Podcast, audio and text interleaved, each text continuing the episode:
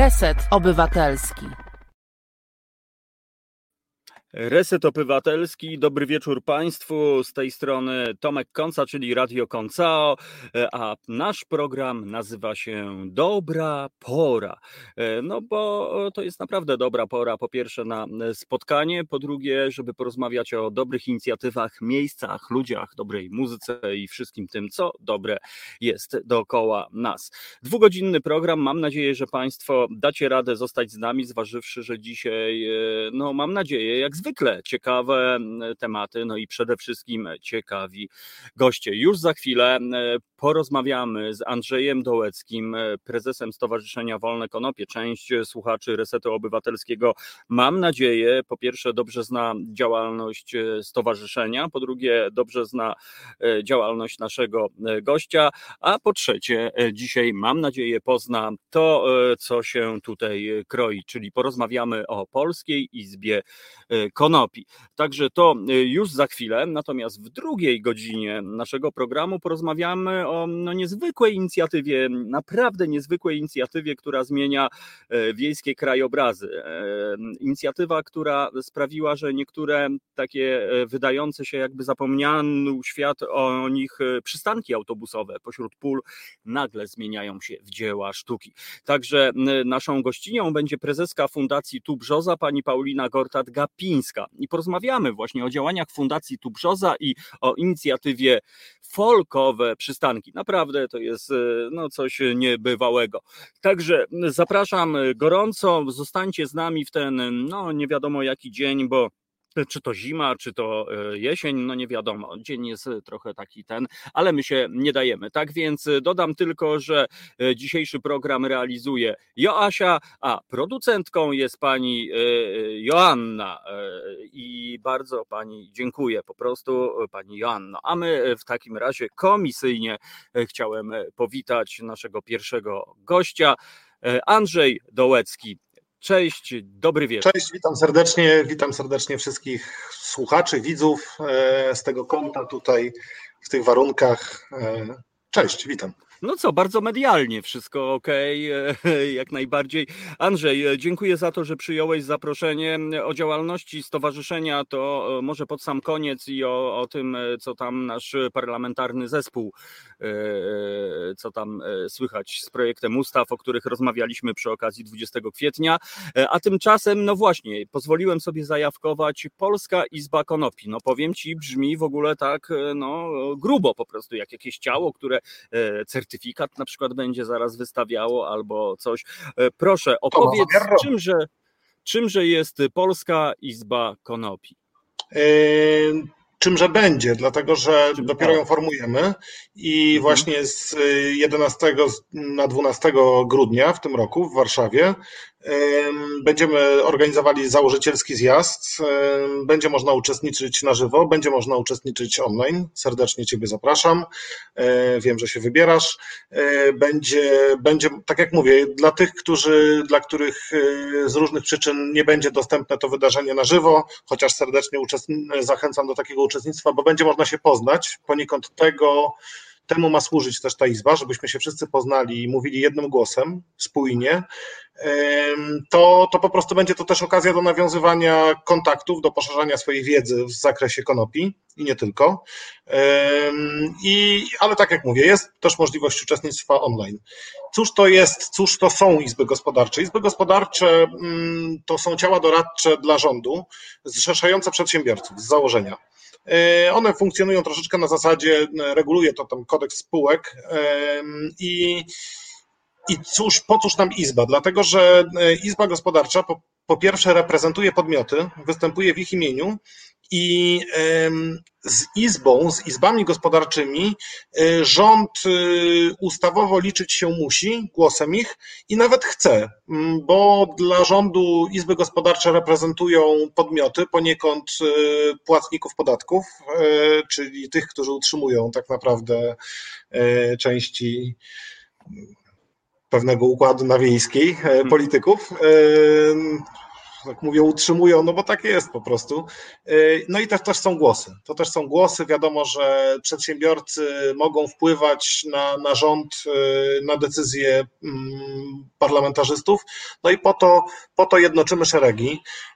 Y, wolne konopie mm, swoją misję nie zaprzestają. Zostajemy na ulicy głównie, chociaż teraz ostatnio więcej kroków podejmujemy w parlamencie niż na ulicy, ale również bronimy pacjentów.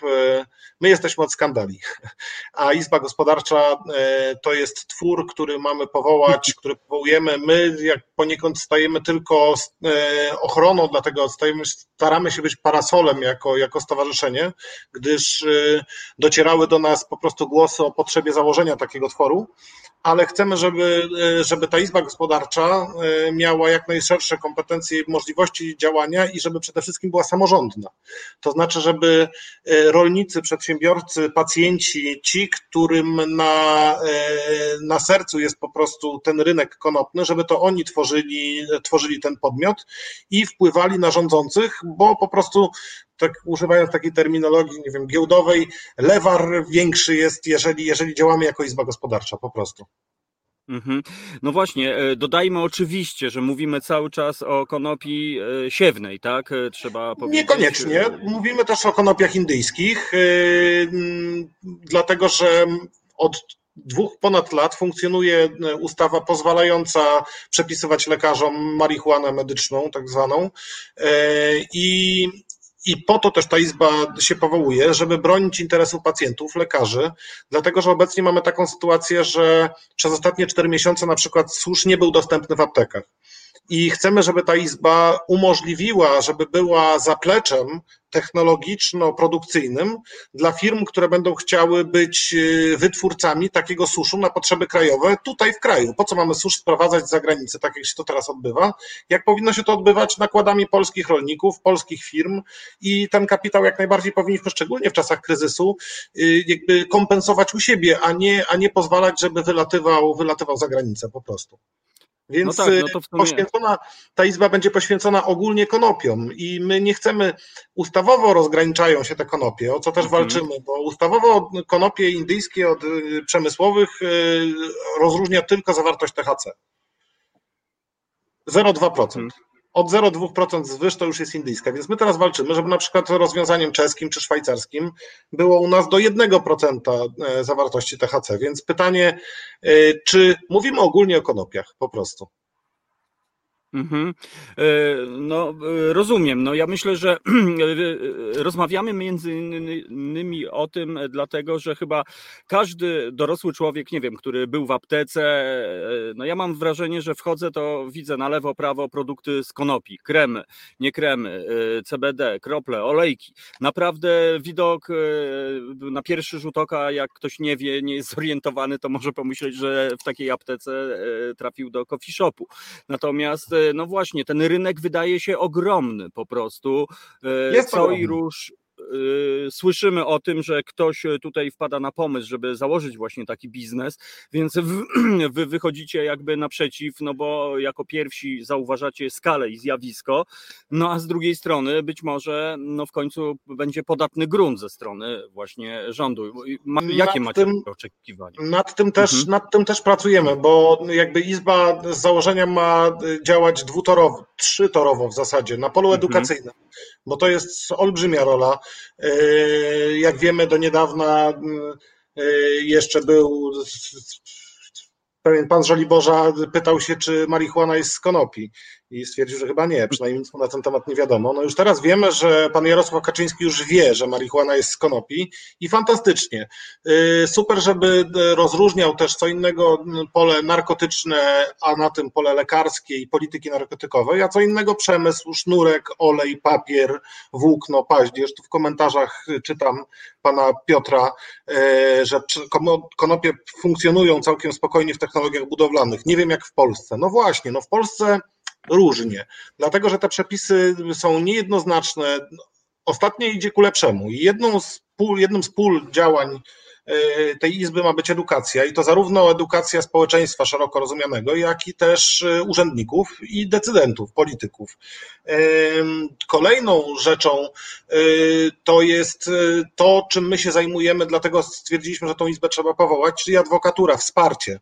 Wsparcie tych słabych, w sensie czy rolników, którzy zasiali dwa hektary konopi i państw, z Państwowego Instytutu, Państwowe Ziarno i w jakiś losowy sposób przekroczyły te konopie dozwolony próg o 0,01%, czyli z 0,20 na 0,21 i ten rolnik stał się przestępcą i wyciągaliśmy pół roku takiego faceta z aresztu. 57 lat, chłop w gumofilcach zawinięty z pola w kajdankach i tak samo wypuszczony z ciągnika po prostu zabrany przy rodzinie jako, jako przestępca, gdzie on w ogóle nie miał świadomości tego, nie, nie wiedział o co chodzi w ogóle. Myślał, że chodzi o jakiś kradzież buraków z 80 lat, w których nie brał udziału, ale w ogóle to jest kosmiczna historia i takich niestety historii jest wiele na szczęście coraz mniej. Y, stąd potrzeba powołania takiej izby, żeby ona broniła tego rodzimego rynku przed zagrożeniem, że tak powiem, wewnętrznym, czyli urzędniczą nadinterpretacją czy samowolą, y, mhm. żeby broniła też przed zewnętrznym zagrożeniem, czyli po prostu mm, krajami i rynkami, w których te konopie mają się dużo lepiej przez dotacje urzędnicze i przez zupełnie inną wolę urzędniczą, jak chociażby z Francji, żebyśmy powodili pobudzali możliwości wykorzystania, dlatego że konopie są przyszłością rolnictwa polskiego, dlatego że mają małe wymagania glebowe stosunkowo, niskie zapotrzebowanie na wodę, są dodatkowo gatunkiem rodzimym. E, one się tutaj świetnie odnajdują. W zasadzie nie trzeba im pomagać, wystarczy im nie przeszkadzać w kontekście ustawowym. E, I, i, i tutaj tą rolę też ma pełnić Izba, pomagać rolnikom, pomagać prawnie. E, no a ostatnią rolą, poniekąd też najważniejszą, to jest lobbowanie i promowanie dobrych wzorców wśród polityków, czyli zmiana myślenia i ustawodawcze zmiany też idące za tym, czyli to, co robimy teraz. Pytałeś się o zespół parlamentarny, o którym rozmawialiśmy jakiś czas temu. No, zespół sam jak zespół niewiele mógł i, i, i niewiele może, jak widać. Ostatnio dopiero e, nadany został, bo prace zespołu zostały zamknięte już dawno. E, projekt ustawowy został złożony już dawno e, i on tkwił sobie w zamrażarce i ostatnio dopiero został nadany mu druk. Losy tego projektu są raczej skazane na, na, na porażkę. No to jest szansa, szansa jest naprawdę hmm. bardziej w promilach niż w procentach. E, no, powiedziałbym, że no, są pewne żarty o politykach, promilach i, e, i, i, jakie mamy szanse jako ten projekt. No ale oprócz tego zespołu parlamentarnego funkcjonują też, funkcjonuje też podkomisja Y, rolnictwa, w której zasiada y, w prezydium poseł Sachajko. No i tam jesteśmy troszeczkę bardziej do przodu. Tam mm, wypracowujemy ze stroną społeczną konkretne rozwiązania i właśnie po to byłaby ta izba, że ona by miała większy impact jakby w swoim działaniu, większą siłę przekonywania, y, mhm. więcej specjalistów, jednoczyłaby ten rynek, nie rozwadniałaby tego, przepraszam się, nie rozwadniałaby tego, mm, te, tego dyskursu na, na, na, różne wątki, tylko by był po prostu strona społeczna skupiona w Izbie i strona rządowa, e, rządowa parlamentarna po drugiej stronie, gdzie to też trzeba by było myśleć, że to nie są dwie strony barykady, tylko to są po prostu dwie strony, które muszą jakoś tam zlepić się finalnie w jeden komunikat, który, który zostaje przekuty na ustawę. No i tutaj idzie coraz lepiej. Tutaj właśnie dyskutujemy o tych procentach magicznych, czyli czy marihuana, czy te konopie przemysłowe to będzie 0,2 czy 0,3, czy może 1, mhm. tyle to Czechy, Szwajcaria i inne kraje, które rozwijają właśnie później CBD z tego, różne nienarkotyczne e, gałęzie przemysłu. E, kolejną zmianą też będzie tam taką niby kosmetyczną, ale cholernie ważną, czyli dopisanie, bo Polsce można było zasiewać konopie za zgodą sejmików wojewódzkich. I to była mm, procedura zupełnie jakaś anachroniczna jeszcze z lat 80., kiedy to partia decydowała nadrzędną ręką, ile konopi będzie w Małopolsce, ile traktorów będzie produkował Ursus, a ile skarpetek y, będzie tam w zakładach szwalnych w Łodzi. No to to, to i to jakoś jako jeden z reliktów tego poprzedniego systemu przetrwało właśnie w kontekście konopi, że, że, że tak się bano tych nawet tych przemysłowych konopi, że, że dokładnie musiano sejmiki decydować, czy u nas nie będzie tego za dużo. W zasadzie nie wiadomo, z czego wynikała ta decyzja. Te decyzje niektóre były przeciągane do tego stopnia, że samorząd, rolnik musi decydować o takim zasiewie już w zasadzie teraz, przygotowywać się pole wyjeżdżać, przygotowywać mm, też teraz, a na dobrą sprawę już tak najpóźniej w marcu. Zasiewać w kwietniu, maju. A zdarzało się, że decyzje sejmików lokalizujące, pozwalające, de facto podbijające stemplem decyzję urzędniczą, że można siać, niektóre sejmiki wydawały w czerwcu. E, więc, e, więc to jest ta zmiana, jedna z kamieni milowych, niby drobna, że, że będzie się zajmował tym KOWR, Krajowy Ośrodek Wspierania Rolnictwa. Drugą zmianą, szalenie ważną też e, będzie właśnie dorównanie tych niby wydaje się zwiększenie udziału THC, czyli tej narkotycznej substancji w konopiach z 0,2 do 0,3%. O, to jest hmm. walka o 0,01. W kontekście e, narkomanii e, i jakby psychiatrii, e, neuroaktywności, to to jest w ogóle mówimy o ilościach, no to podobnie, to nawet inaczej niż w alkoholu chyba jeszcze, to tak jakbyśmy decydowali, czy wódka będzie miała 40% alkoholu, czy 39,999 na przykład. Mhm. Że ta dyskusja jest troszeczkę taka na wyrost, no ale umożliwi przy, yy, umożliwi yy, o tutaj w czerwcu Osimina, no tak, możliwe, ale, ale proszę się do komentarza. Yy, możliwe, ale to jest strach dla rolnika czekać w niepewności mhm. do czerwca, a być może urząd zadecyduje we wrześniu, a być może w ogóle nie. Yy, więc o to chodziło, że ta kontraktacja była hamulcowym. To 0,1 procenta umożliwi większy dobór genów. Kolejną rzeczą dopisanie do katalogu zastosowań, bo konopie są fantastyczną rośliną, jeżeli chodzi o potencjał zastosowania ich w przemyśle celulozowym, papierniczym, paliwowym, y, budowniczym, y, tekstylnym, żywnościowym. Niesamowite, niesamowite możliwości i dopisanie w ustawie pominęliśmy cele energetyczne. Teraz bardzo modnym pojęciem jest, które my już lansowaliśmy dawno, dywersyfikacja energetyczna i to, co robi taka mała Szwajcaria.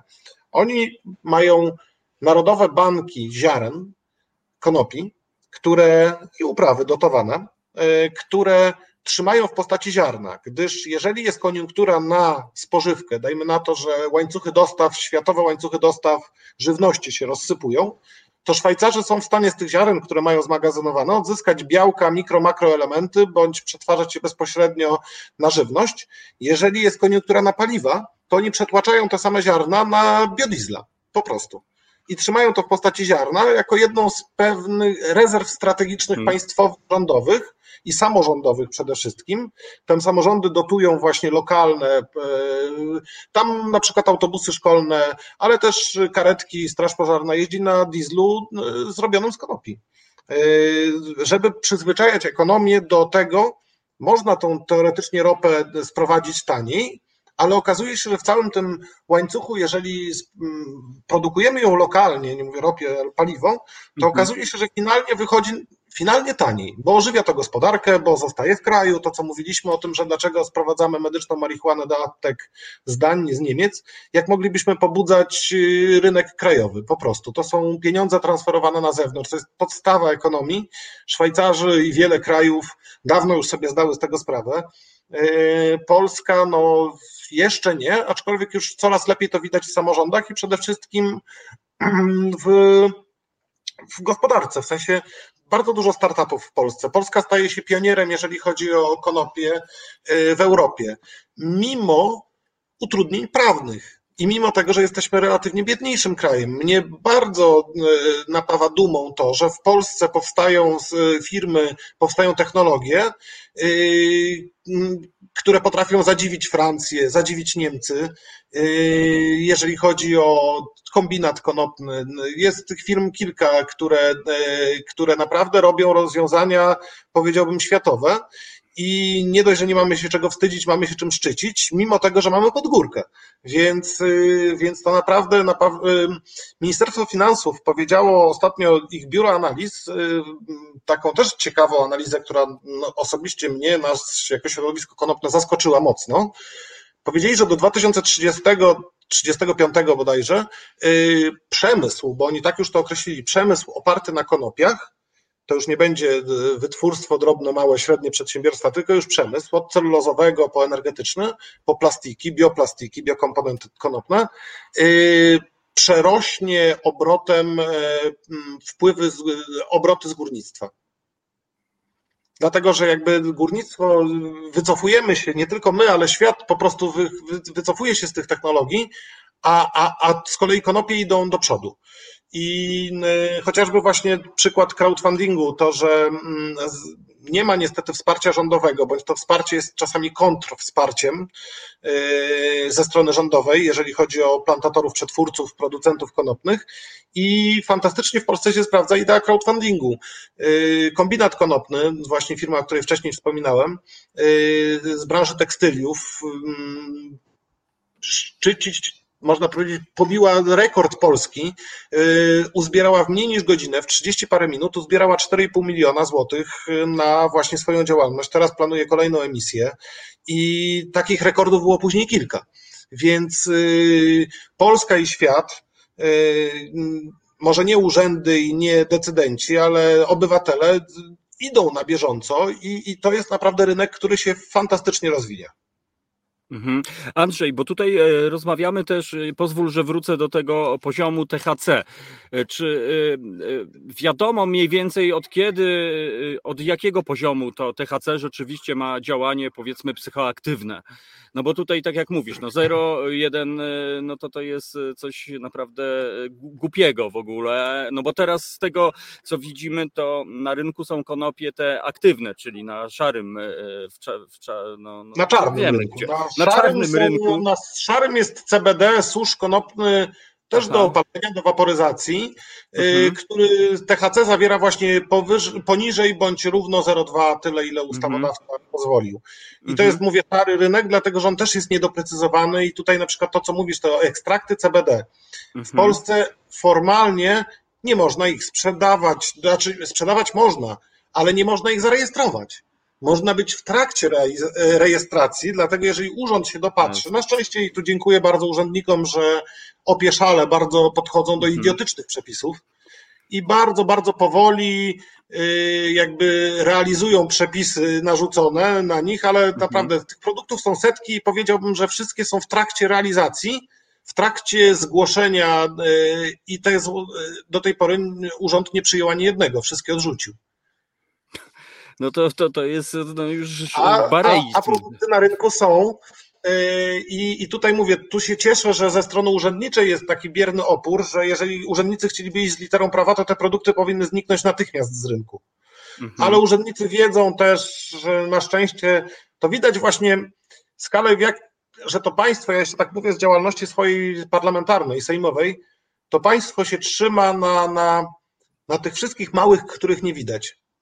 E, na tych paniach z urzędu, paniach sprzątaczkach, paniach pielęgniarkach, panach, e, e, strażakach, policjant, których nie widać często, gdzieś jakichś wicedyrektorów, wiceurzędników, w biurach parlamentarnych. Większość opracowań, parlament, to co posłowie widzą, to jest robota, tytaniczna robota małych ludzi, których nie widać we fleszach kamer, a tak naprawdę na nich się opiera cały ten kraj. Właśnie serdecznie tym ludziom dziękuję i naprawdę pełen uznania jestem dla pracy, bo, bo, bo gdyby nie oni, to, to, to, to nie wiem, co tu by się działo w tym kraju. No to co, byśmy byli jeszcze chyba e, postrzegani jako średniowiecze na kolejnym Nie wiem, czy byśmy byli polu, jeszcze jako kraj. A, a, może tak. No powiem Ci, to są szokujące historie, te, które wspomniałeś o rozwiązaniach szwajcarskich, bo w końcu mówimy tutaj o Unii Europejskiej. Z jednej strony jest to przecież e, jakiś konkretny twór. Szwajcaria nie jest w Unii, jest w Schengen, no ale mamy, Aha, kraje, okay, Unii, e, mamy kraje Unii, jak Czechy chociażby, nasz najbliższy sąsiad, który na konopiach ma obrót kilkudziesięciokrotnie większy niż Polska, a jest krajem trzy, czterokrotnie mniejszym. Więc y, no, szansę, którą tracimy, szczególnie, że my jesteśmy krajem rolniczym, co moim przyjaciołom Czechom, oni mówią, że to jest absurd, że, że, że my jako kraj, oni się cieszą, bo, bo mówią, że jeżeli Polska wstanie z kolan, z konopi, no to, no to oni będą musieli przyjąć pozycję wasalną po prostu, no bo, bo, bo my będziemy wtedy gigantem. My już mamy y, zaplecze do tego, my już mamy predyspozycję, my już ostrzymy sobie na to zęby, ale no daleko nam do Francji w tym kontekście. Mhm. A możliwości jest... mamy konopiami Polska stała trzeba sobie o, powiedzieć. No, no właśnie, tutaj też warto nawiązać jednak, że, że to nie jest jakieś science fiction ani wymysł freaków, że ktoś sobie coś wymyślił, ale po prostu, tak jak Andrzej wspomniałeś, rzeczywiście historia e, to potwierdza, jednym słowem. E, ale pozwól Andrzej, że jeszcze wrócę znowu do tego THC, e, no bo to aż, aż jest głupie. Od ilu no, procent ci, mówisz? Mniej e, więcej od ilu jest, no bo tak, na rynku czarnym są e, konopie, które tam powiedzmy mają 20 na przykład procent THC, to już jest w tak. ogóle jakieś absolutne science fiction. To jest raczej taka góra, górna granica, mm -hmm. tak, średnia, mm -hmm. średnia czarnorynkowa to jest około 15%. Powiedziałbym tak, y, poziom, który według mnie jest aktywny, części mhm. toksykologów to jest od 1%, ale ja powiem tak, są osoby z, ze zwiększoną wrażliwością, to jest trochę tak jak z mhm. alkoholem. Jasne. Ja, żeby poczuć, ja nie mówię o zdolnościach psychomotorycznych, bo to też o tym trzeba pamiętać, yy, czyli ja, żeby poczuć to szumienie w głowie, jeżeli chodzi o alkohol, to powiedzmy wypijam trzy piwa, takie mhm. średniej 4% zawartości alkoholu, nie mówię jakichś mocnych, ale znam osoby, które już po jednym czują efekty alkoholu, więc to troszeczkę są Jasne. Y, osobnicze, subiektywne, ale mówi się o okolicach 1%. Ja bym nawet za zaniżył to dla bezpieczeństwa ze względu właśnie na te osoby ze zwiększoną wrażliwością do pół procenta. Mhm. Pół procent, z czego oczywiście mówię tutaj, y, że nawet to, to, to 1%, takie, które jest w Szwajcarii, w Czechach, y, uznawane jest za stosunkowo bezpieczne, w tym sensie, że y, oczywiście dla tych osób, które by chciały używać tego w formie na przykład suszu, palenia czy jakichś ekstraktów. E, ale, ale mówię, to pół procent jest w zupełności bezpieczny. Mhm. No tak, i dodajmy też, że e, ja e, pytając też na myśli miałem produkty, tak jak powiedziałeś, tekstylia. Pamiętam kiedyś miałem buty marki Puma zrobione tak. z konopi i powiem, że to były absolutnie najlepsze buty, w których no po prostu mi się chodziło. Więc no tutaj raczej nikt normalny nie będzie przecież palił bluzy, spodni czy skarpet po prostu. No I to jest w ogóle idiotyczne w tym wszystkim. Ja jeszcze sobie pomyślałem o Polskiej Izbie Konopi czy, bo, bo wspomniałeś o wątku edukacyjnym, a jak w stronę e, resortu, że tak powiem, czyli policji jednym słowem, bo czasami też mam no wrażenie, że, że tam też ta, ta, ta e, jest sfera do działania no, po prostu. Tak e, i to jest to jest jeden z tych naszych celów, które jedna z instytucji państwowych, mm. chcemy edukować.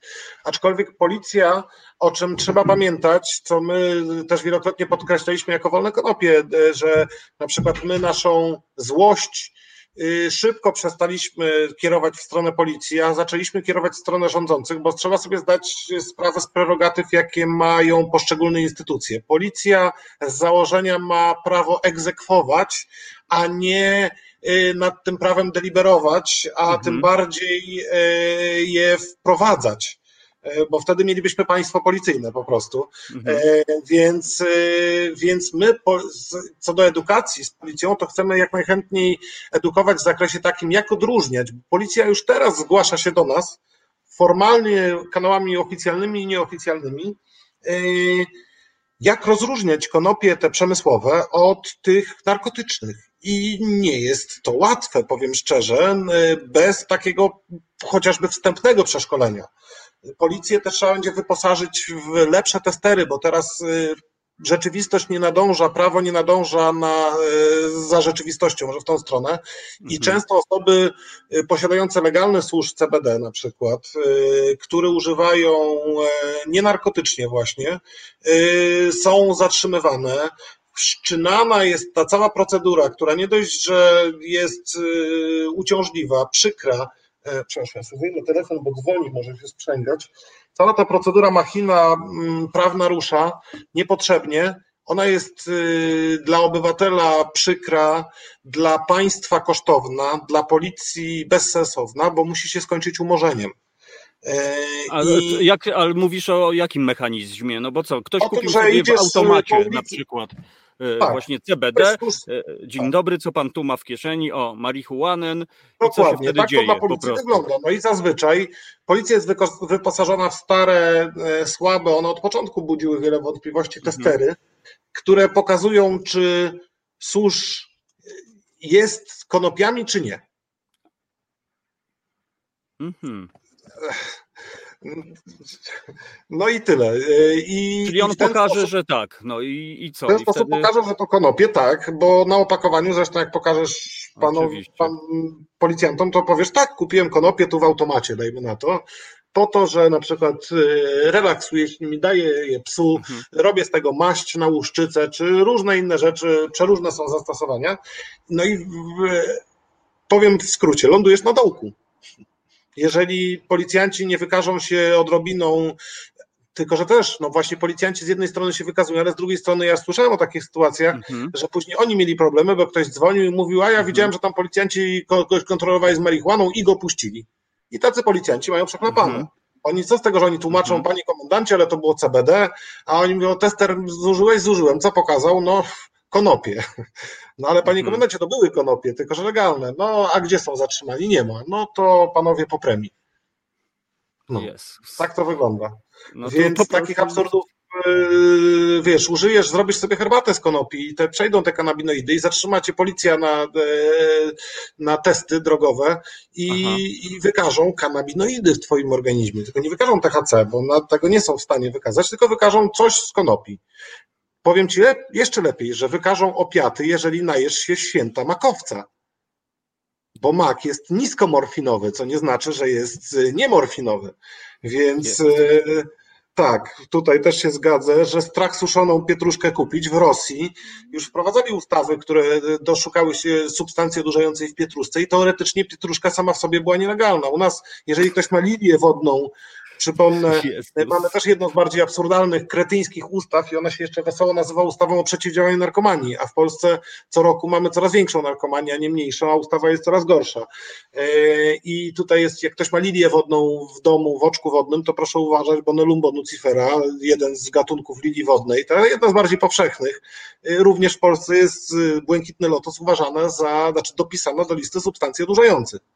Niedawno wy, wykreśliliśmy wreszcie pieprz metystynowy, kawę kawę, która chyba była zakazana w dwóch krajach, w Polsce i nie wiem, w Singapurze chyba.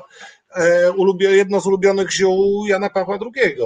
Więc y, Jan Paweł nie dożył tych czasów, kiedy w Polsce mógłby przyjechać i spędzić też noc na dołku może. Jezu, to, to, to jest po prostu absolutne science fiction. No to e, nam pokazuje, że rzeczywiście, no to. No właśnie, w czym jest problem? Czy prawo po prostu, czy system? y, Złożone, i to to, jest, i to to, jest no po system prostu. złożony. Chodziło o narkofobię, chodziło o pewną e, paranoję rozkręconą w latach 80., 90. bardziej, e, Mhm. na bazie rzeczywiście fali polskiego heroinizmu. To się kilka rzeczy złożyło. E, Wpadliśmy w taki wir samo napędzającej się histerii i mm, politycy zbudowali, niektórzy politycy, nie będę wymieniał z nazwiska, niektórzy Mhm. za to przeprosili, niektórzy jeszcze dalej, chociaż już Brno. niewielu, odgrzewa tego kotleta, że, że, że jeżeli, ja pamiętam taką dyskusję jeszcze w Sejmie, gdzie jeden z posłów tak perorował na, na, na Komisji Zdrowia, że jeżeli zakażą, to w ogóle to było naprawdę poziom taki absurdu, surrealizm troszeczkę, że on wprowadzi taką ustawę, że zakaże grzybom rosnąć. Mhm. Chciałem się zapytać, czy grzyby go słyszą. Ciekaw jestem. Pojechałbym tam gdzieś na Podkarpacie i, i zastanowił się, czy, czy, czy do grzybów to dotarło na pewno, halucynogennych.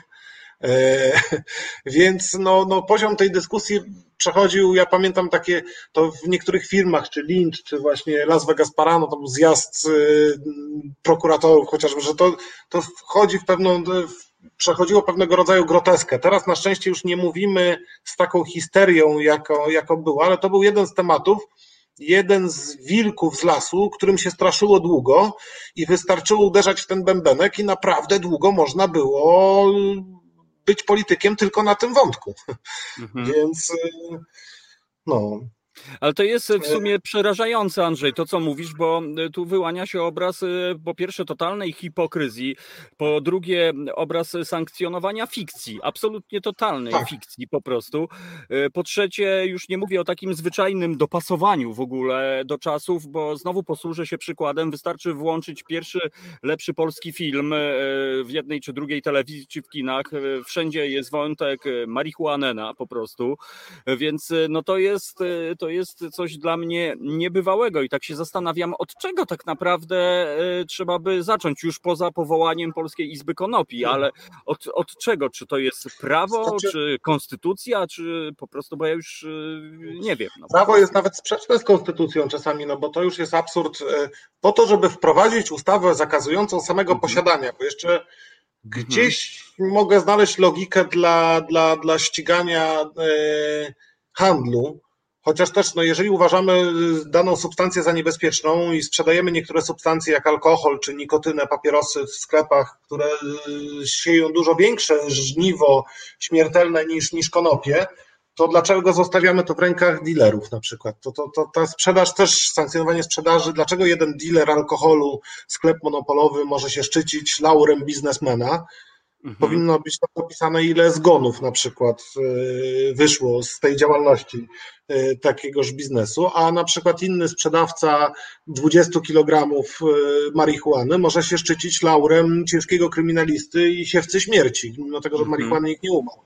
Więc ta logika ustawodawcy jest dla mnie średnia do zrozumienia, ale logika prawna, konstrukt prawny zabraniający posiadania wymagał skonstruowania ofiary w ogóle, bo podstawą prawa litery jest to, że musi być poszkodowany. I tutaj, żeby zrobić marihuanę nielegalną, musiano powołać taką instytucję jak zdrowie publiczne. Mhm. Mityczny twór, który dopiero wtedy ta ustawa nabrała logiki prawnej. Więc to już jest w ogóle bzdura. I teraz samo to, co mówiłem, ustawa o przeciwdziałaniu narkomanii Dokręcamy śrubę, nie idziemy w edukację, tylko w karanie. W rezultacie mamy coraz więcej zgonów w, let, w lato, szczególnie od dopalaczy, które już teraz się ukrywa, bo co? Rząd twierdzi, że y, dopalaczy nie ma. Są, zamiot je tylko pod dywan. No, I, I teraz tak, do małolatów wysyłamy. Myśmy opisywali takie historie. Dzwoniła do nas młodzież, że dzwonisz na 112 jako 17-latek. Kupiłeś jakieś ścierwo, nie wiadomo skąd, od dealera nie wiadomo gdzie miało być trawką, a nie było, bo nie można tego kupić w legalnym dyspensarium czy coś tam. Kupujesz na czarnym rynku jakąś ściemę. No i małolaty, jedna traci przytomność, drugie y, zaczyna ją tracić, trzeci, który jeszcze nie zdążyło zapalić, y, dzwoni na 112. Kto przyjeżdża? Patrol policji a nie patrol pogotowia, dlatego że jest mowa o marihuanie. Co się dzieje? Niestety policjanci, rozmawialiśmy też z nimi, nie byli przygotowani do takiej akcji. Skończyło się zgonem jednej osoby i śmiercią mózgową drugiej osoby. W wyniku niedotlenienia policjanci nie byli w stanie do końca przeprowadzić resuscytacji, nie mieli sprzętu, nie mieli tlenu.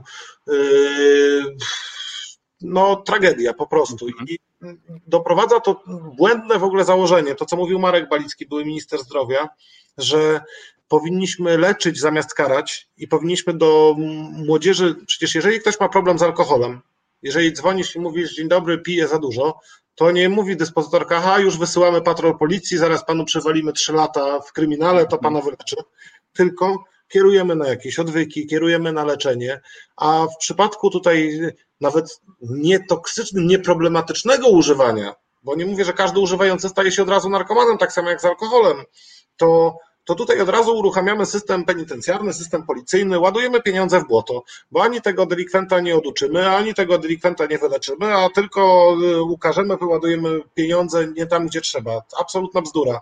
Więc y, nasza ustawa o przeciwdziałaniu narkomanii nie przeciwdziała narkomanii od wielu lat. Mhm. Jest, anachroniczna. Kraje e, różne, nie tylko zachodnie, e, zrezygnowały z tej polityki, chociażby Ukraina ostatnio też e, wprowadziła częściową depenalizację, zmienia się tam i co? I narkomanów ubywa zamiast przybywać.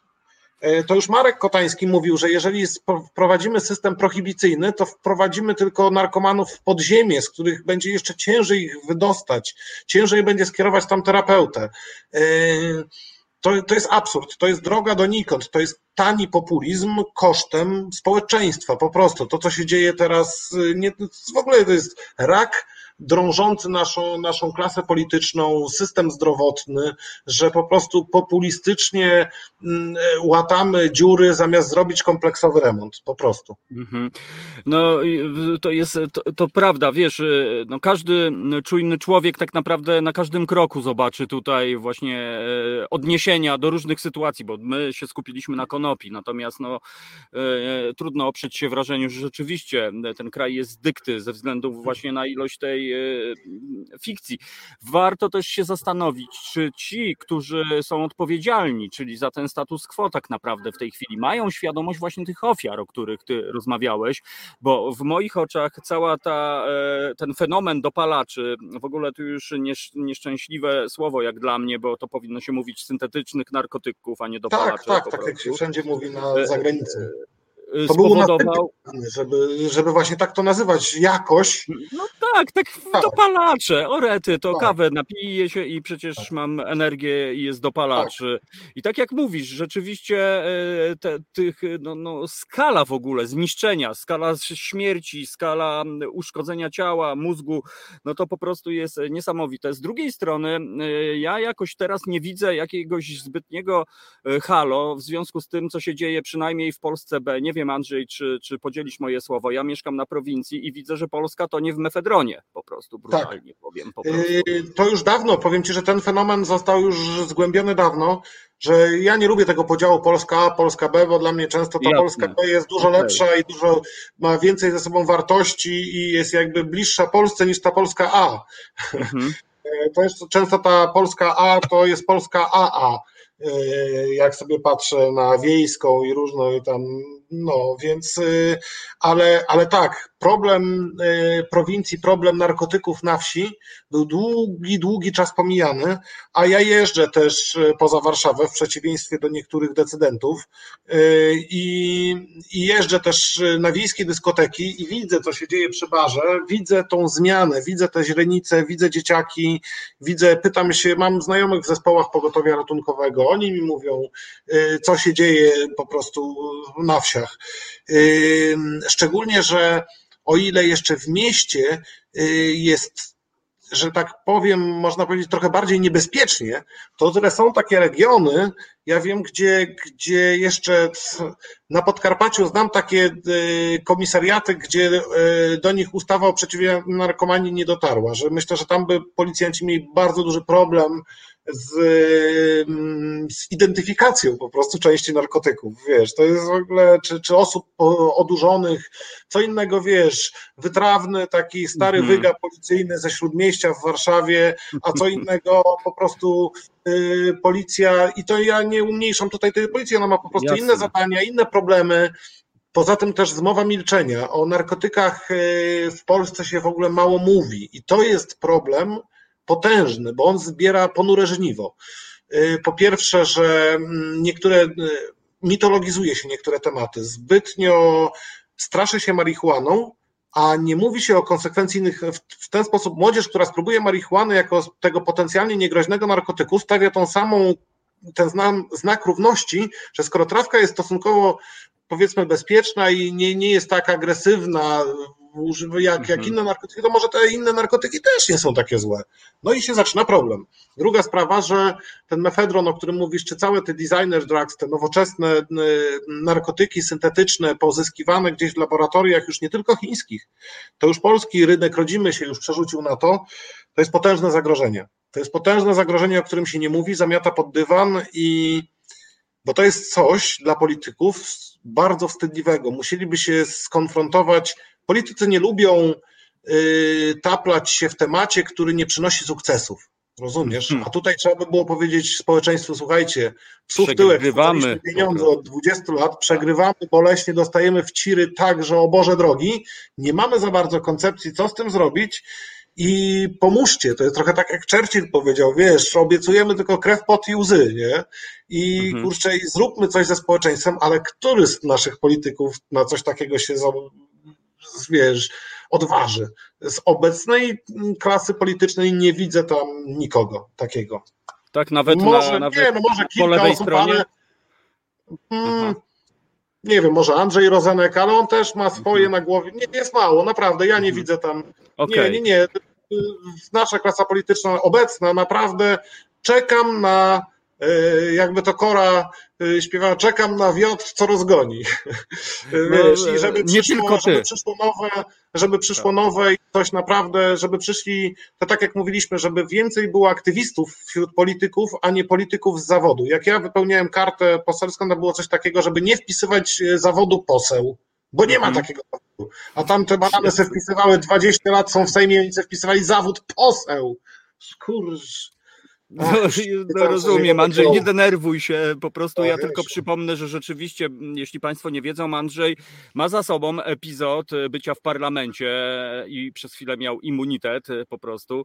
E, No i, i opowiadałeś e, przy niektórych okazjach, jak to, to naprawdę mm, od zaplecza wygląda. Tak więc nie łudźmy się. Myślę, że ten człowiek wie więcej niż my, więc e, no, ja też podzielam opinię, że to musi. Można musi się po domyśleć. prostu e, musi, musi się pojawić coś absolutnie nowego, dlatego że, że to jest jedyne po prostu, no cóż, ja czekam, kiedy no, m, młode pokolenie, które coraz bardziej jest e, świadome, coraz bardziej jest e, wyedukowane i, i takie światłe, że w końcu e, przełamią tę barierę niechęci do polityków, bo jednak też jest u nas problem, że co z tego, jak są aktywiści, ale wszyscy powiedzą, no ja tam nie wejdę, bo wchodzę do określonej substancji, która Tak, śmierdzi. ja gorąco o to apeluję. Myśmy też się zastanawiali, że o kurczę, pójdziesz tam, to się ubabrzemy, że, Mhm. że będą próby. Tak, wszystko to będzie. Korupcja, będzie niesmak. Mówię, to była jedna z nielicznych robót, których się Mhm. wstydziłem. Jak się pytał gdzieś, kto prac, gdzie pracuje, ja w centrum tam gdzieś. E, no, bo naprawdę środowisko to nie jest zgodne. W większości społeczeństwa budzi raczej, jeżeli nie od razu, to pewnego rodzaju taki niesmak, czy, czy, czy Mhm. Raczej no nie jest to nie jest to chluba dla mnie, a szkoda, bo powinna to być misja społeczna. Gorąco zachęcam, słuchajcie, jeżeli my się nie weźmiemy za tych polityków i za politykę, to będziemy zawsze kręceni, nie powiem co jeszcze, będziemy i w co yy, i robieni. Tak, i jeżeli, jeżeli po prostu sami za siebie nie weźmiemy ich za mordę, nie zaczniemy rozliczać, nie, nie będziemy brać takich ludzi, przecież jak ja bym tam się skompromitował, to bym nie moje środowisko chyba kurczę tam, nie wiem, gdzieś w dole w Wapnie zostawiło i, i, i tyle. Zresztą ja bym sobie na coś takiego nie pozwolił, ale takich ludzi musi być więcej po prostu i- i to jest, wymagajmy, Wymagajmy zmiany jakościowej, wymagajmy od siebie, ale wymagajmy też od naszych reprezentantów, wymagajmy, rozliczajmy ich z tego, przypominajmy i interesujmy się na Boga, bogów różnych, interesujmy się tym, co się wokół nas dzieje, bo jeżeli nie. Największym grzechem Polaka jest grzech ignorancji. My ciągle myślimy, że jakoś to będzie, że ktoś coś załatwi, a mówi się, że y, zło wygrywa wtedy, kiedy dobro sobie przyśpi, po prostu zaśpi. I tak to wygląda w Polsce. Jeżeli się nie angażujemy, nie wychodzimy na ulicę, czasami też w swoim miejscu pracy, w, domu, nie mówimy czasami stop, nie można, nie mówmy antysemickich głupich żartów, y, skończmy mówić, że czarnuch, zwracajmy na takie rzeczy uwagi, to, to wtedy od drobnych rzeczy zaczyna się zmiana tego świata. Później idziemy szczebel dalej, później rozliczamy naszych rządzących i będzie dobrze w końcu w tym kraju. A, a później to oni, mam nadzieję, nie będą w stanie w lustro spojrzeć, jak sobie już zdadzą sprawę, ale to jest ważne, widzisz, e, Andrzej, co mówisz. Niektórzy ta mówią, że edukacja. konopi są bardzo dobre sznury na przykład. O Jezu, hydraulicy to na pewno. To Tak, tutaj, że tak. tak, odbije. Ja, E, ale, a ja nie wiem, o czym ty myślisz. Ja to tylko A, mówiłem, że są... Okej. em, e, Natomiast, no właśnie, no nie wiem, e, czy my doczekamy takich czasów, ale rzeczywiście widzę tutaj po prostu, jak wielką rolę ma edukacja do, zrobienia, bo to chyba wszystko zaczyna się od tej edukacji, nawet dokładnie to, o czym mówiłeś, o tym właśnie, że murzyn, e, że ten, ten i tak dalej. To wszystko takie e, historie po prostu. Brak wychowania obywatelskiego, jak napisała nasza słuchaczka. E, I, to jest, e, w tym się niestety całkowicie zgadzam. Ja nawet nie powiedziałbym e, brak wychowania obywatelskiego, tylko w ogóle ogóle, że ludzie nie wiedzą, czym jest postawa obywatelska, co to w ogóle tak naprawdę jest i warto może sobie o tym też porozmawiać, bo, bo ja mam wrażenie, że my jesteśmy gdzieś tam na poziomie wód gruntowych, naprawdę, czasy Wokulskiego i tak dalej, i tak dalej, i to jest wszystko po prostu do zrobienia. Najgorsze jest to, że naprzeciwko siebie mamy no, beton rządzący, y, który składa się z różnych tam puzli po prostu pod różnymi szyldami, ale, ale tak naprawdę to są ci sami ludzie, y, którzy... Ale tutaj właśnie czytam w komentarzach, że ci ludzie nie wzięli się znikąd i teraz tak, każdy z nas, który słucha mhm. Naszego teraz przekazu, to, to trochę tak jak było yy, że każdy z nas, który z tego słucha, który zadaje sobie te pytania, który rozmawia, jest pewnego rodzaju członkiem tego ruchu oporu, wielkiego tego ruchu obywatelskiego i to na nas jest, jesteśmy pewnego rodzaju frontem walki obywatelskiej o lepsze jutro dla, dla, mhm. dla nas i dla następnych pokoleń i po prostu na nas spoczywa ta misja drobnych, małych, tych, o których mówiłem, ci, którzy ten kraj trzymają, jak te żuczki i, i to siła nas, tych, tak jak wiesz, Wieloryby żywią się planktonem. Plankton stanowi najwięcej, mikrobów jest najwięcej jako masy organizmów na tej planecie. Mm. Nie? I, i wbrew pozorom takich małych bakterii różnych nie zwracamy na nie uwagi, a dzięki nim żyjemy w, naszych, mhm. w naszym żołądku i tak dalej.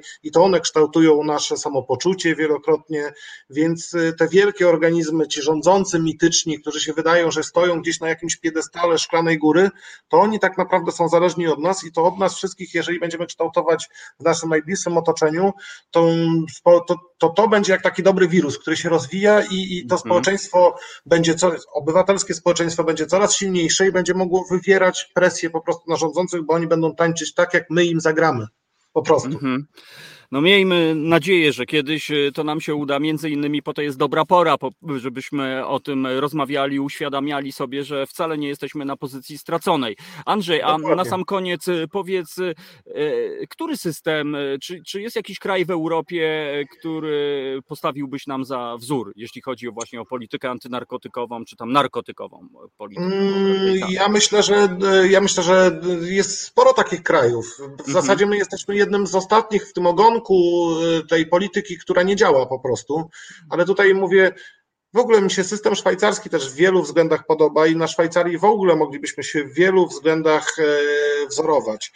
Mówi się, dużo ludzi mi mówi, ja w Szwajcarii sporo czasu przebywałem, Yy, którzy, niektórzy ludzie mówią, słuchaj, jak będziemy tak bogaci jak Szwajcarzy, oni wcale nie byli tacy bogaci. Tam do nie, jeszcze niedawno na prowincji naprawdę było podobnie jak na polskiej prowincji i, i, i jeszcze Sławojki stoją gdzie niegdzie, naprawdę to nie jest tak. Tak, tak, w tej Szwajcarii stoi Sławojka obok Bugatti. E, oczywiście już kibelek nowy jest, ale, ale mówię, że jeszcze jest tak, że te chaty niektóre pamiętają mhm że nie Bugatti, a, a jeszcze mhm. zaprzęg z koniem, starą habetę w latach mhm. 50., bo tam relatywnie niecałe społeczeństwo było bogate, nawet wręcz niewiele. I, I między innymi to fakt, że to jest oczywiście mniejsze społeczeństwo, ale, ale to jest też dość konserwatywne społeczeństwo. Ja porównuję, bo, bo oni są też konserwatystami, oni, tam jest dużo osób wierzących też, y, tam jest dużo też ksenofobii, ale oni sobie z wieloma rzeczami poradzili, angażując społeczeństwo i społeczeństwo w działania i działanie w społeczeństwo. Jedno z drugim sprzężenie zwrotne, więc, y, Najlepiej. więc tak. Więc, y, więc taką polityką Czesi mnie kiedyś parlamentarzyści zapytali, Andrzej, a dlaczego u was nie jest tak, że bo my jak kształtowaliśmy naszą politykę narkotykową, to po prostu wzięliśmy specjalistów od tego tematu, wysłuchaliśmy ich w parlamencie i zrobiliśmy tak, jak oni mówią. Ja im nie potrafiłem wytłumaczyć, nawet po całym wieczorze e, Najlepsze jest to, że myśmy cały wieczór poświęcili e, na bardzo gorące dyskusje i, i oni rano zrozumieli, że właśnie, że dalej nie rozumieją. Tak samo jak ja i ja musiałem im powiedzieć, słuchajcie, ja nie rozumiem. I oni po całej nocnej dyskusji rano powiedzieli, że dobra, my teraz już też nie rozumiemy tak jak ty. Jezus. No, no, nie wiadomo, czy śmiać się, czy płakać e, tak naprawdę. Zawsze lepiej się śmiać. No zawsze lepiej się śmiać, najpierw kaszlą, a potem się śmieją. Często tak e, mówili społecznicy w oknach u mnie na e, podwórku na Grochowie. Tak, teraz ale... mówią kaszlą, a marihuana na szczęście nie COVID, teraz już a, wiesz. A, takie żarciki już tutaj są. Tak. No, no żart, żarty żartami, ale rzeczywiście tutaj też mówimy e, jeszcze cały czas o, o ofiarach tej polityki, które po prostu cały czas są. E, statystyki prawdopodobnie byłyby przerażające, gdyby je opublikowano, gdyby zobaczono, czym zajmują się pogotowia i to, co się dzieje, e, tak jak rozmawialiśmy, na prowincji, na wsiach i tak dalej, bo to jest. Ja byłem w ciężkim szoku, kiedy wierz mi, wierzcie mi, drodzy Państwo, kiedy rozmawiałem z młodymi ludźmi e, z, z terenów wiejskich. No i tak, e, no i jak tam u was? No co tutaj się dzieje? Jakie tam problem? No i zeszło, zeszło na temat właśnie e, substancji. No i byłem przekonany, że substancją numer jeden będzie właśnie konopia, czyli marihuana. Nie, nie.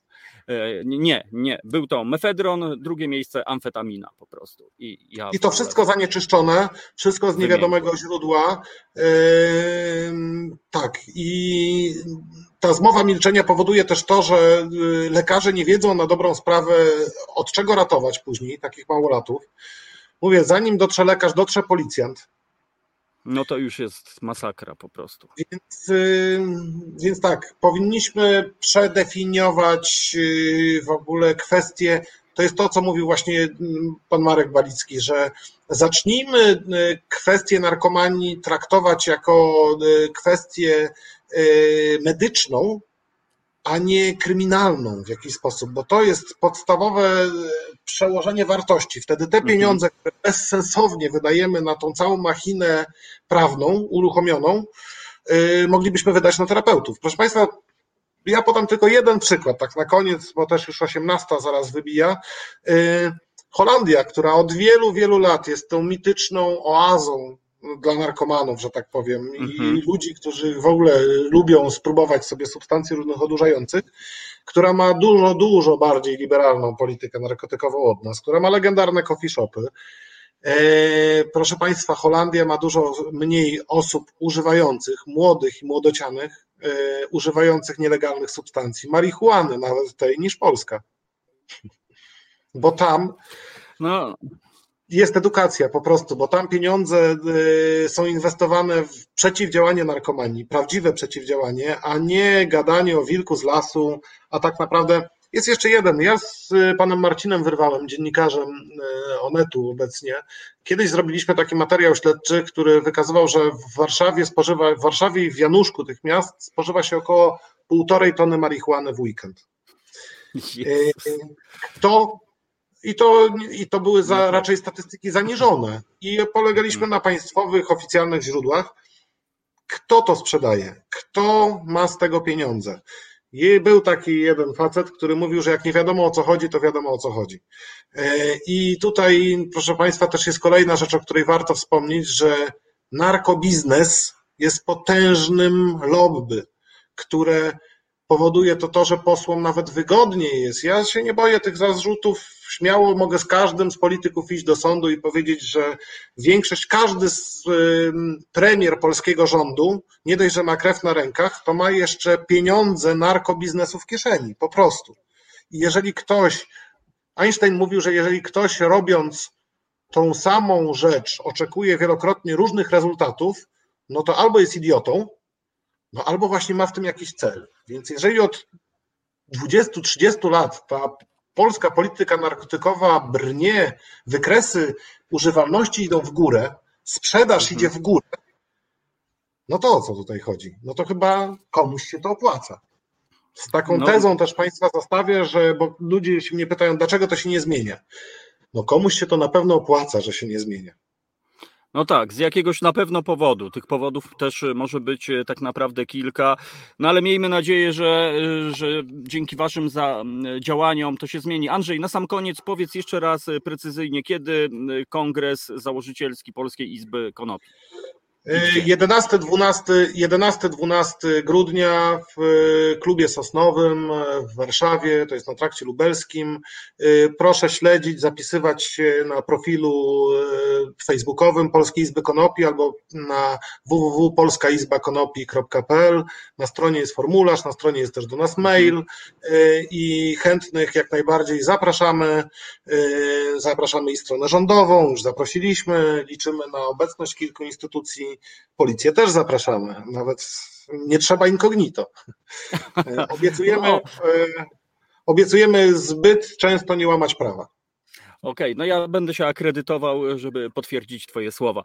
Andrzej Dołecki był naszym gościem, prezes Stowarzyszenia Wolne Konopie. No i dzisiaj między innymi rozmawialiśmy właśnie o, o Polskiej Izbie Konopi, która mam nadzieję, no za jakiś czas będzie już regularnym ciałem. Wtedy będzie dobra okazja, żeby ponownie się spotkać. Andrzej, bardzo Ci dziękuję. Wszystkiego dobrego. Dziękuję Ci również. Dziękuję wszystkim naszym słuchaczom. Do widzenia. Pozdrawiam. Cześć. Do zobaczenia. E, dzięki. Tak więc, e, drodzy Państwo, e, teraz poprosimy Asię o przerwę muzyczną i już za chwilę no, będziemy gościli prezeskę Fundacji Tubrzoza, panią Paulinę Gortat, Łapińską. I wszystkiego, drodzy Państwo, się dowiecie. Tak więc zostawiam Was na chwilę przemyśleń przy muzyce i zapraszamy. To jest Reset Obywatelski, to jest Dobra Pora, a ja nazywam się Radio Konsao. Tak więc zapraszam na muzykę. Reset Obywatelski działa dzięki Twojemu wsparciu. Znajdź nas na zrzutka.pl. Dobra pora, e, e, to jest Reset Obywatelski e, i ja pozdrawiam panią Joannę z Brukseli, która jest producentką naszego programu i pozdrawiam panią Paulinę, która jest gościnią albo gościem. No właśnie pani Paulino, jak woli pani być określona? Gościni, gościuwa czy gość po prostu? To może być gość. No dobrze. E, tak więc naszym gościem jest e, prezeska Fundacji Tubrzoza, pani Paulina Gorta-Łapińska. Dzień dobry pani Paulino i dziękuję za to, że przyjęła pani zaproszenie do Resetu Obywatelskiego. Dziękuję bardzo, dzień dobry i no, dziękuję właśnie za to zaproszenie. Także no właśnie. Mam nadzieję, że to się sprawie. E, no, no właśnie, e, chciałem tylko jeszcze tak szybciutko zajawkować, e, żeby opisać na przykład klimat naszym słuchaczom. Wyobraźcie sobie, drodzy Państwo, że jedziecie polną drogą, na przykład rowerkiem po prostu. Pola, łąki, łany, piękne kolory w ogóle i nagle wiata przystanku PKS, a na niej babie lato Chełmońskiego po prostu. I w ogóle wy się zastanawiacie, o co tu się rozchodzi. A to jest właśnie folkowy przystanek, e, który jest efektem działań fundacji, e, którą reprezentuje e, pani Paulina. Pani Paulino, no właśnie, skąd w ogóle ten pomysł na to genialne, zmia, na to genialne zmienianie wiejskiego krajobrazu? Skąd ten pomysł? Y, właśnie stąd, że na tej wsi już brakuje tych prawdziwych obrazów wsi. E, I tak naprawdę to pomysłodawcą jest e, moja siostra Barbara, która pojeździła po świecie e, z tej naszej wioski, zobaczyła, co się dzieje, zetknęła się z różną sztuką, wróciła i no i się okazało, że ludzie szukają takiej prawdziwej wsi, której tak naprawdę u nas nie ma. Ta wieś się zrobiła nowoczesna i wpadła na genialny pomysł, aby właśnie przenieść, e, przenieść obrazy naszych polskich, młodopolskich malarzy na te odrapane, brzydkie e, przystanki, na te wiaty. Jeszcze u nas zostało trochę wiat e, tych starych PKS-owskich mhm. murowanych, one są solidne, ale wiele osób no, wstydziło się ich, tak, bo one tam jednak tak strasząco wysta wystają na tych naszych wioskach. I cóż, no w 2015 roku E, jako grupa taka nieformalna tak naprawdę, bo my jeszcze wtedy nie powołaliśmy jeszcze fundacji, bo właśnie akurat w tym roku, w 2015 i fundacji powołaliśmy i ten pierwszy przystanek jako grupa nieformalna, e, Barbarka e, złożyła taki pomysł, była, były spotkania z mieszkańcami, rozmowy z artystą, który z tych obrazów dobrze by było właśnie uwiecznić na przystanku. E, nasza gmina pomogła ten przystanek troszeczkę wyremontować, bo wiadomo, że te ściany nie są równe, e, są w jakiś tam sposób, e, sfery były powybijane, więc no była cała akcja dokupywania, gdzieś tam poszukiwania tych sferów, żeby były takie oryginalne jak wcześniej, także ten klimat został zachowany, ale na całej wewnętrznej ścianie właśnie tego przystanku w naszym nowym Pudłowie zostało wpisane babie lato e, Chełmońskiego i ono właśnie zadziwia. Zadziwia wiele osób, które podróżują przez nasze wioski, bo nieraz byłam świadkiem tego, że właśnie nagle ktoś po hamulcach e, daje samochodem i e, o to chodzi, tak? I nagle cofanie. No i w ogóle mieszkańcy tych naszych wiosek już w tej chwili 14, e, w tej chwili właśnie opowiadają o tym, że bardzo dużo osób zatrzymuje się, fotografują się, no też te przystanki nie są właśnie usytuowane przy tych głównych mm, jakby y, traktach, Mhm. e, żeby właśnie nie spowodować wypadku z jednej strony, a z drugiej, żeby właśnie na rowerkach e, czy motorami na spokojnie można było e, te galerie nasze jednego obrazu odkrywać. Mhm. No właśnie, ja nawet e, przeglądając, e, e, szukając informacji, poszerzając jakby wiedzę, spotkałem się z czymś takim jak trasa rowerowa szlakiem folkowych przystanków, tak więc to już jest w ogóle gruba rzecz. Pani Paulino, ale wróćmy jeszcze do tej pierwszej akcji z 2015 roku. Rozumiem, że wy działaliście legalnie, no bo albo tak około legalnie, czyli nie, nie to był wjazd w nocy, dzień dobry, spreje i ranowscy, wow, po prostu. Jak, jak to właśnie wyglądało? Czy e, trzeba było bardzo przekonywać, e, nie wiem, zarząd gminy czy mieszkańców, czy od razu ta iskra została jakby przechwycona? To znaczy tak, zarządcą y, na pewno przystanków jest y, Urząd Gminy, więc należało to z nimi skonsultować. Y, No my nie działamy od 2015 roku, tylko działamy od 2006 y, z Mhm. młodzieżą y, i z dziećmi z naszej wioski, tylko wtedy działaliśmy pod jakby pod Ochotniczą Strażą Pożarną i przy, przy kołole gospodyń wiejskich. I później no, powstała taka, taka potrzeba, żeby jednak odłączyć się, sformalizować działania tej nie, e, tak naprawdę nieformalnej młodzieży i, i został powołany, została powołana fundacja. I, I tak, no zawsze zapraszamy do tych projektów związanych z przystankami gminę. Tak? Gmina e, jakby daje nam również e, spis przystanków, które jeszcze zostały, tych właśnie murowanych. Myślę, że niektóre to ocaliliśmy, tak, bo mieliśmy w Pudówku taką historię, że już po, po naniesieniu tego obrazu przyszła wichura, zerwała dach, to gdyby nie było tego, tej galerii, podejrzewam, że przystanek zostałby rozebrany, postawiony zwykły blaszak i, i albo w ogóle nie byłoby przystanku, tylko stałby słupek, tak? A tak, no to było szkoda, oczywiście, no bo już tak fajnie, e, e, tak, już obraz, już jakaś historia się tworzy e, i no po prostu trzeba było wyremontować, założyć od nowa dach i, i już, tak? I dalej się ten temat kręci. Mhm, ko- Czytam komentarz, y, baju baj, tak się rodzi moda na wielką sztukę. No w sumie to całkiem wielka ta sztuka, no bo taki przystanek to wcale on taki niby mały, ale jednak to tak powierzchniowo to całkiem niezła powierzchnia. Pani Paulino, a jak wygląda praca na te, e, e, ile, ile trwa tak fizycznie po prostu i jak to wygląda? Czy przychodzą mieszkańcy i na zasadzie pan Henio przyjdzie, mm, krzywo trochę po prostu, albo nie, tutaj ja pomogę, a może sceptyczni, no bo ja znam mniej więcej specyfikę małych wsi, gdyż sam w takiej mieszkam po prostu i wiem, wiem, że no, czym żyje wieś. No przecież to jest wydarzenie, które na lata no, będzie e, wydarzeniem dla miejscowej, lokalnej społeczności. Jak to właśnie wyglądało? Czy palili się z, z pomocą? Czy byli niechętni? Czy pierożki przynosili w czasie e, lunchu po prostu? No, można właśnie tak to określić, że na początku to zawsze jest e, takie zainteresowanie, zwłaszcza na etapie, kiedy już powstaje samo dzieło. E, Mhm. Najpierw e, pierwszy etap to remont tego przystanku. W zależności od tego, w której gminie, no to albo gmina e, właśnie daje środki na to, żeby ktoś to zrobił i, i, i mieszkańcy we własnym zakresie coś tam robią, albo my zamawiamy jakąś ekipę remontową i gmina im płaci za to. No wszystko zależy od tego, jak też, jak bardzo też gminie zależy na tym, żeby taki przystanek u nich powstał. Mieliśmy taką historię właśnie po e, powstaniu tego pierwszego przystanku, że właśnie sołtyski następnych wsi się pokłóciły, który wsi następny będzie, tak? Że nie, nie, że to u mnie, a nie właśnie, bo u mnie. I właśnie to już takie było fajne, że e, najpierw tak sceptycznie wszyscy podchodzili, że kurczę, ten pierwszy, zaraz na pewno ktoś przyjedzie i, i będzie zniszczony, a O. następnie przyszedł taki moment, że właśnie y, już ta rywalizacja, u kogo następny e, i no i właśnie w tej chwili też no, obawiają się oczywiście ci mieszkańcy. Gdy słyszą w nocy, jak ktoś mieszka niedaleko takiego przystanku, no mówią, że zapalają światło, żeby oczywiście kogoś ewentualnie przestraszyć, jeżeli to byłby ktoś, kto chciałby coś tam e, napsocić. Także to jest takie miłe z jednej strony.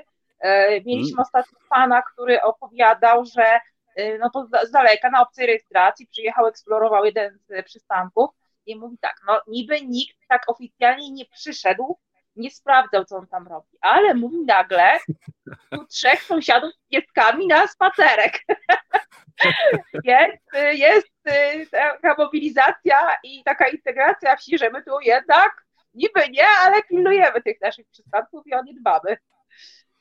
Także no, jeżeli chodzi o właśnie, y, właśnie jeden z takich przystanków, ten w Budówku, oprócz tego, że w środku ma y, właśnie obraz, to na zewnątrz są y, namalowane wycinanki sieradzkie. No to przy nim też było sporo pracy, no to też i młodzież przyszła, bo to wystarczyło właśnie szablonem najpierw obrysować kontury, bo ta wycinanka sieradzka jest takim bardzo prostym kształtem, ona jest monochromatyczna i następnie też młodzież z tymi pędzeleczkami malowała te kontury no było to bardzo takie też integracyjne. No to jest genialny pomysł po prostu, bo on jest szerokopasmowo e, genialny, że tak sobie pozwolę powiedzieć, bo e, tu znowu przeczytam komentarz e, naszej słuchaczki. Sprawić, by wielka sztuka była na wyciągnięcie ręki, to świetna alternatywa dla snobistycznego podejścia do sztuki. Z drugiej strony, umówmy się, no mieszkańcy małych miejscowości, wsi właściwie, szczególnie ci starsi, no, dla nich sztuka to często jest właśnie z szacunkiem obraz Matki Boskiej w domu, monidło i tam jeszcze coś. No raczej z różnych powodów raczej marne szanse, żeby wbić do Muzeum Narodowego po prostu i, i, i nawet zrozumieć po prostu, po co są w ogóle te obrazy tak naprawdę. Z drugiej strony to, co pani powiedziała, ta integracja i to chyba dla mnie w tym momencie jest chyba ważniejsze niż, niż, bo za tą integracją to same dobre rzeczy mogą właściwie pójść po prostu. E, czy, wy, e, czy taki był cel właśnie tych przystanków, że czy, czy wy z czasem zaczęliście sobie zdawać z tego sprawę, ile dobra mhm. robi taki przystanek po prostu? No, przyznam szczerze, że właśnie wiele takich aspektów e, przychodzi z czasem które, y, na jakie aspekty życia właśnie wpływają te przystanki. No tak naprawdę to jeżeli w danej wsi nie ma y, takiego miejsca, gdzie można się spotkać i które jest otwarte, to właśnie przystanek był takim miejscem, gdzie no, można było się umówić, jeżeli było jakoś czysto y, czy biało, no to wiadomo, że można sobie tam przysiąść i, i spędzić chwilę.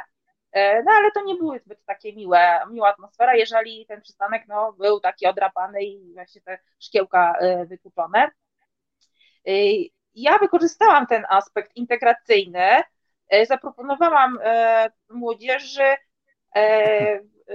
w ramach ostatniej właśnie naszej wymiany międzynarodowej, że zaprosimy, zaprosimy młodzież z Litwy, i która razem z młodzieżą z naszej okolicy Y, wymaluje właśnie, znaczy zaproponuje, zaproponuje kształt, y, y, jak można odmienić przystanek i właśnie w październiku powstał 14 przystanek, no nie jest to typowa galeria jednego obrazu jak do tej pory, jest też usytuowany w zupełnie innej lokalizacji, ponieważ jest to gmina Stryków, też województwo łódzkie, ale już inna lokalizacja.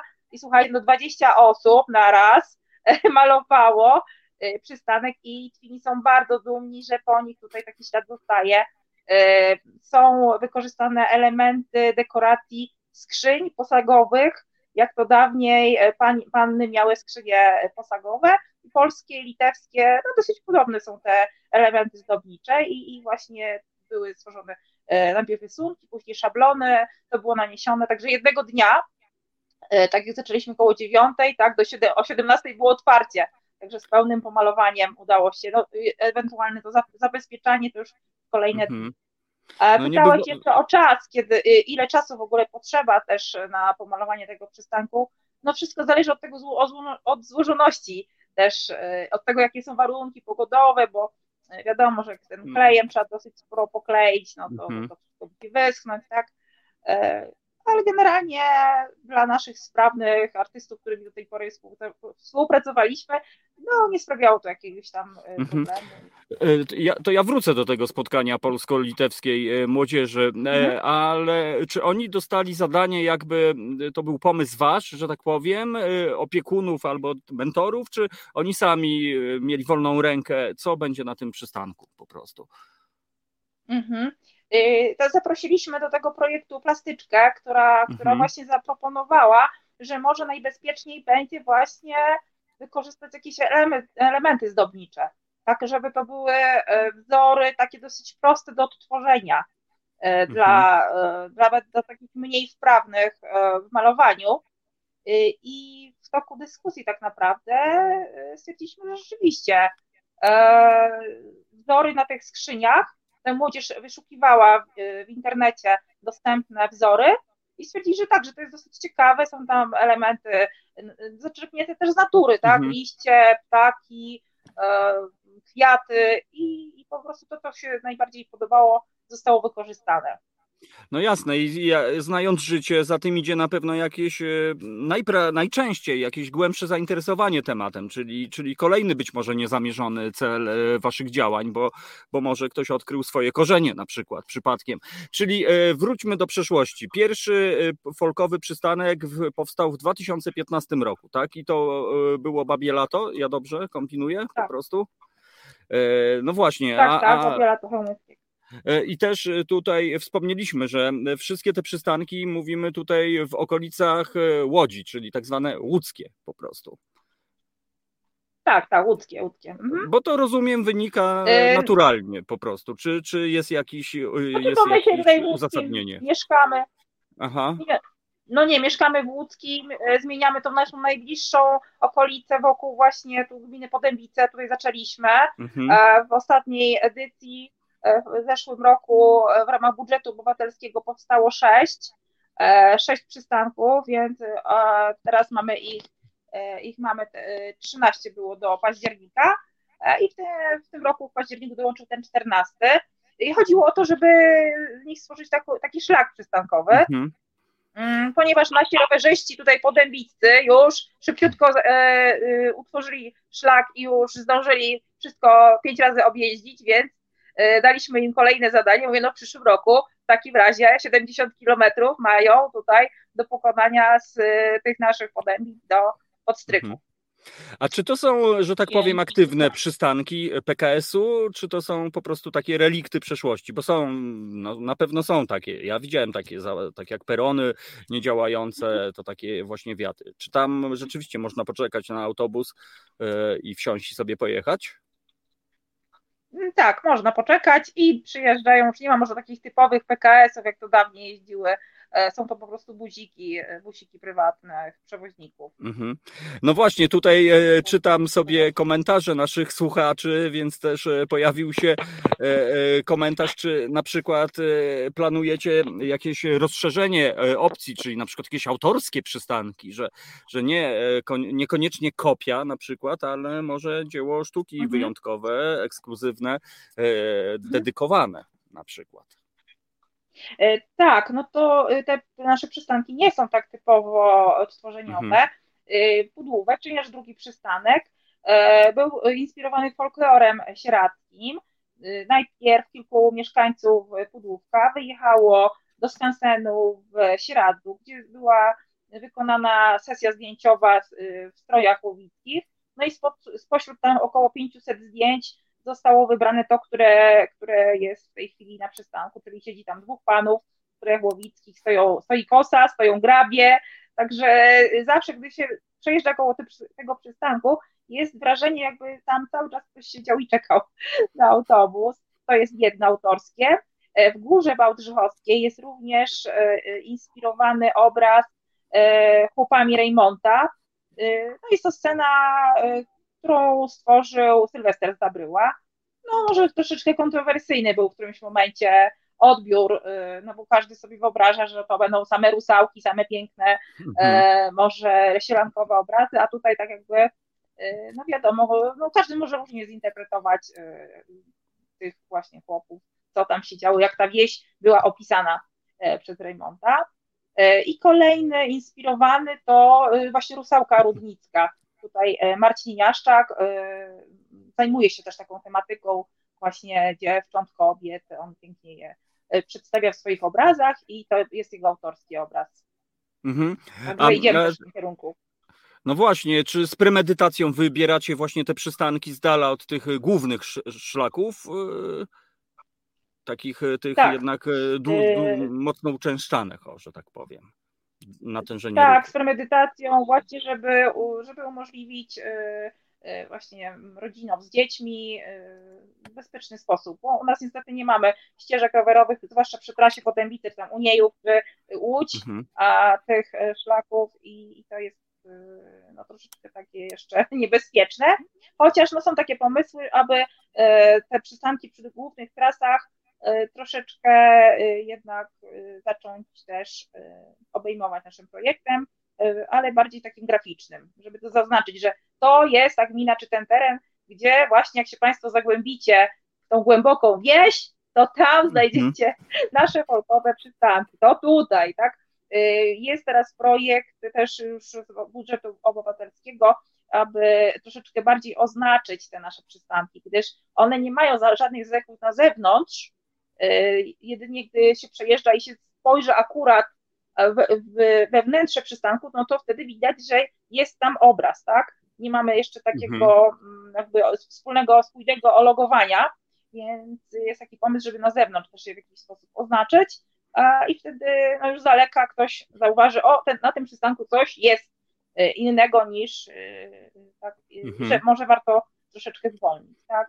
No, no nie, ja widzę znowu kolejny, a, e, kolejny dobry aspekt e, tych waszych działań poza integracją, bo tu się robi wręcz atrakcja turystyczna poniekąd, tak naprawdę przecież taki przystanek. E, a co za tym prawda, idzie? To prawda, bo to Mhm. Ostatnio rozmawialiśmy, e, e, ja rozmawiałem ze znajomą, która e, może to taka drobna inspiracja, znaczy, a może pomysł, bo nie wiedziałem, że istnieje coś takiego jak zdobycie korony latarni morskich nad morzem naszym. Po prostu tak sobie pomyślałem, może taki paszport zdobycia wszystkich przystanków folkowych po prostu na legalu i później milionowy zwiedzający może zaproponować na przykład jakiś tam kolejny przystanek, na przykład jakiś tam. A jaki jest o, najbardziej. O, to ja się polecam. A jaki jest najbardziej, że tak powiem, proszę mi wybaczyć, e, odjechany przystanek, taki wizualnie po prostu? W sensie, że jakaś abstrakcja, Dla mnie najbardziej odjechane. Y, to znaczy, czy szaleństwo? No raczej może szaleństwo nie. Jedynie właśnie ten w pudłówku jest y, na zewnątrz, ma tą y, e, wycinankę sieradzką, także on od zewnątrz mhm. jest cały pokryty wycinankami takimi wie, mhm. wielkoformatowymi, więc mhm. on od, z daleka nie, nie jest przykryty, y, ukryty w żadnych drzewach y, czy krzaczkach, więc on jest z daleka widoczny y, i jest to też niedaleko skrzyżowania dróg, więc też go widać z mhm. kilku stron. Więc dla mnie no, e- on jest taki charakterystyczny. No właśnie, a, a, jeszcze wrócę do kwestii technicznej, bo wiemy, że jeden przystanek y, wygenerowała, że tak powiem, młodzież, a, a, a, pozostałe, czy to jest efekt pracy jednego artysty, czyli jakby to jest jego dzieło, czy też jest jakiś y, zespół y, i na przykład ktoś go sygnuje, że tak powiem, firmuje. Mhm, tak, tak. Na tych przystankach to są już to poprzednie te 13 przystanków, to są, to są prace pojedynczych naszych artystów E, jako pierwszy właśnie był to Sylwester Stabryła, którego Barbara, inicjatorka, znała wcześniej i znała jego po prostu kreskę i zaprosiła go do tego pierwszego A. E, projektu. E, były właśnie warsztaty z dziećmi z malowania i później właśnie powstało to dzieło. To też jest cały proces tego, żeby ładnie rozplanować dany obraz w przestrzeni tego przystanku, ponieważ każdy przystanek, niby się wydaje, że są wszystkie takie same, a jednak każdy jest zupełnie inny nawet bryłą e, troszeczkę są zbliżone, ale jednak już proporcje ścian e, się troszeczkę różnią i, i efekt musi być indywidualnie e, dopasowany. Kolejne przystanki malowała między innymi z naszej sąsiedniej gminy Natalia Grala, która kończyła szkołę właśnie w Zyńskiej Woli i studia w, mm, właśnie artystyczne w Wrocławiu. Mm, no i A kolejni, czy to są wasi zaprzyjaźnieni? Y, zaprzyjaźnieni artyści, czy wy no, widząc przystanek myślicie o kimś już, o tutaj to na pewno, to może ona po prostu. Mhm, mhm. Znaczy tak, Natalię zaprosiliśmy ze względu na to, że wiedzieliśmy, że tu pochodzi jakby z naszej ziemi i jest tutaj najbliższą naszą tutaj artystką. E, następnie Marcin Jaszczak jest z Pęczniewa, to jest gmina też sąsiednia, więc też te urzekły te piękne malarstwo, to piękne malarstwo i piękna kreska Barbarę, moją siostrę mhm. Barbarę Gortat, więc to ona generalnie ma tą, to trzyma, trzyma po prostu jakiś taki jakby to powiedzieć, taką ja, tą jakość, tak, a, tych mhm. przystanków i, i prawdę mówiąc, to mi nie wolno się na ten temat nie wypowiadać. No dobra, to ja, ja się do tego nie mieszam. Ja jestem okay. od wymian międzynarodowych. Jak a, okay. Coś, to zapraszam. A, a, a też e, okay. za, zaciekawiła mnie po prostu nazwa fundacji Tubrzoza. Dlaczego tutaj tu brzoza? Ty się kojarzysz czterech pancernych, jałąka, mhm. tu brzoza po prostu. Skąd ta tak, tu brzoza? Idealnie, idealnie, idealnie właśnie ta brzoza to są właśnie zawołania z misia. E, i, grab. I po prostu chodzi o to, że e, w którymś momencie, znaczy ja pracuję w ogóle zawodowo w ośrodku doradztwa rolniczego. E, pomagałam założyć e, stowarzyszenia wielu tutaj organizacjom e, w okolicy i każdy wymyślał takie długie nazwy. I mhm. my też w którymś momencie to pomyśleliśmy założyć stowarzyszenie i też taką długą nazwę wymyśliliśmy, to w końcu ten pomysł upadł e, i potem przy wypełnianiu dokumentów stwierdziliśmy, że nie, no to w ogóle bez sensu, po co tworzyć jakieś takie skostniałe, jakieś długie nazwy i, i po prostu chodzi o takie zakrzyknięcie, tak? Więc fajnie, że jak ktoś dzwoni, halo, tu brzoza, no. no tak, to jest. No tak, Niezła wkrętka, tu brzoza tak, tu Staszek. E, a, a jak, e, tak. jak wyglądają e, plany? Bo, bo mamy 15, tak, folkowych przystanków na dzisiaj. 14, 14. 14. No właśnie, czy w tym roku jeszcze jakiś się objawi, czy raczej aura już nie sprzyja pracom malarskim na zewnątrz? No bo tak się zrobiło smutno mhm. trochę. Nie, w mokro. tym roku już zakończyliśmy, zakończyliśmy. W ramach tego 14 przystanku, który mm, jest w Kalinowie, w gminie Stryków, jeszcze będą, bo każdy przystanek ma za sobą jeszcze taką promocję w postaci pocztówki. O. Z wizerunkiem właśnie tego przystanku, więc jeszcze przed nami jest wysłanie pocztówek do różnych znajomych, do instytucji, właśnie z wizerunkiem przystanku w Kalinowie. Więc to też takie ciekawe będzie, może z życzeniami świątecznymi. E, w przyszłym roku w ramach budżetu, o ile się nie mylę, będą właśnie te oznakowania e, mhm. stworzone, oświetlenie na chyba trzech wybranych przystankach, też spraktykujemy, jak to zadziała. E, I zgłaszają się do nas, zgłaszają się do nas mieszkańcy wiosek, że oni bardzo chętnie chcieliby u siebie mieć już taki przystanek i konkretnie wskazują lokalizację, zapraszają nas, y, więc jak najbardziej y, no, będziemy się odzywać, mhm. no wiadomo, że sukcesywnie i w ramach, w ramach no to... wiadomo, naszego czasu wolnego tak naprawdę to wszystko mhm. robimy, więc jak najbardziej. No i też, ale to jest budujące jednakowoż, to jest budujące, że, że to ten feedback, to odbicie, że to jednak jest jakiś konkretny efekt. A jeszcze ja tutaj podrążę, a jak wygląda otwarcie takiego przystanku? Czy, czy on po prostu jest namalowany i już działa, czy jednak przychodzi pan ksiądz, działacze, przecina się wstęgę, wjeżdżają e, sałatki po prostu, albo tak jak na statek się butelkę rzuca tak. i musi się rozbić. Czy to tak właśnie Super. wygląda? Tak, robiliśmy właśnie. Może księdza jeszcze nie mieliśmy. Chyba, że, że się nie ujawnił. E, okay. Ale tak, jest to zawsze takie wydarzenie. Na, na, na daną godzinę danego dnia są po prostu powiadamiani mieszkańcy, no i w, różnym to gronie się odbywa, e, czy kilku, czy kilkunastu, czy kilkudziesięciu osób i, i właśnie staramy się, żeby to było to odsłonięcie, czy tam mhm. przecięcie, ale to takie bardzo symboliczne, no bez żadnych tam wielkich przemówień, no po prostu, że jest jednak symbolicznie, fajnie, coś, jest ta zmiana, tak? Mhm. I, i, I tak jak sobie e, potrafię to wyobrazić, to ja myślę, że ten przystanek e, od tego momentu to taki staje się nasz przystanek. To jest nasz przystanek po prostu. Czy tak rzeczywiście nasz, właśnie tak, w tych społecznościach tak. jest po prostu? E, a tak, tutaj mamy. On nagle. Mhm. On nagle. Tak, pytanie.